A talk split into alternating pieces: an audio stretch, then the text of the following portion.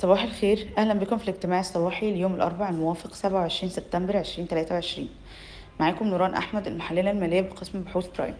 أول خبر macro النهاردة إن في مناقشات بين الحكومتين المصرية والروسية للتعاقد على مليون طن من القمح الروسي وده بعد ما روسيا انسحبت من آخر مناقصة, مناقصة خاصة. تاني خبر إن في على الأقل ست شركات دولية بتتنافس للحصول على حقوق البحث والتنقيب في 12 امتياز للنفط في البحر الأبيض والدلتا. بحسب المصادر لازم الشركة اللي هتحصل على حق البحث والتنقيب تستثمر 281 مليون دولار في التنقيب وتحفر على الأقل 12 بير.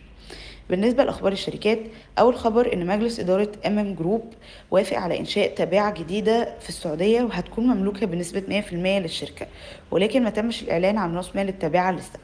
وفي ملاحظة منفصلة بتخطط MM Group لافتتاح الشركة الجديدة بحلول الربع الأول 2024 تاني خبر إن Palm Hills نفت الحصول على عروض رسمية من الصندوق السيادي السعودي للاستحواذ على حصة البنك العربي الأفريقي في Palm Hills وآخر خبر معانا إن بنك قناة السويس أعلن عن زيادة راس ماله بمليار جنيه من خلال توزيع أسهم مجانية بنسبة 28% تقريبا وهيقدم البنك 100 مليون سهم جديد بقيمة اسمية 10 جنيه للسهم.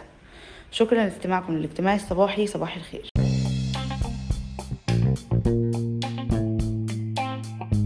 يرجى العلم أن هذا العرض هو لأغراض معرفية فقط، ولا يمكن اعتباره عرض أو توصية شراء أو بيع أو إدارة استثمارات أو خدمات استشارية. ينصح باستشارة مستشارك المالي قبل اتخاذ أي قرار استثماري، علماً بأن الأداء التاريخي ليس مؤشراً يعتمد عليه لتحديد الأداء في المستقبل.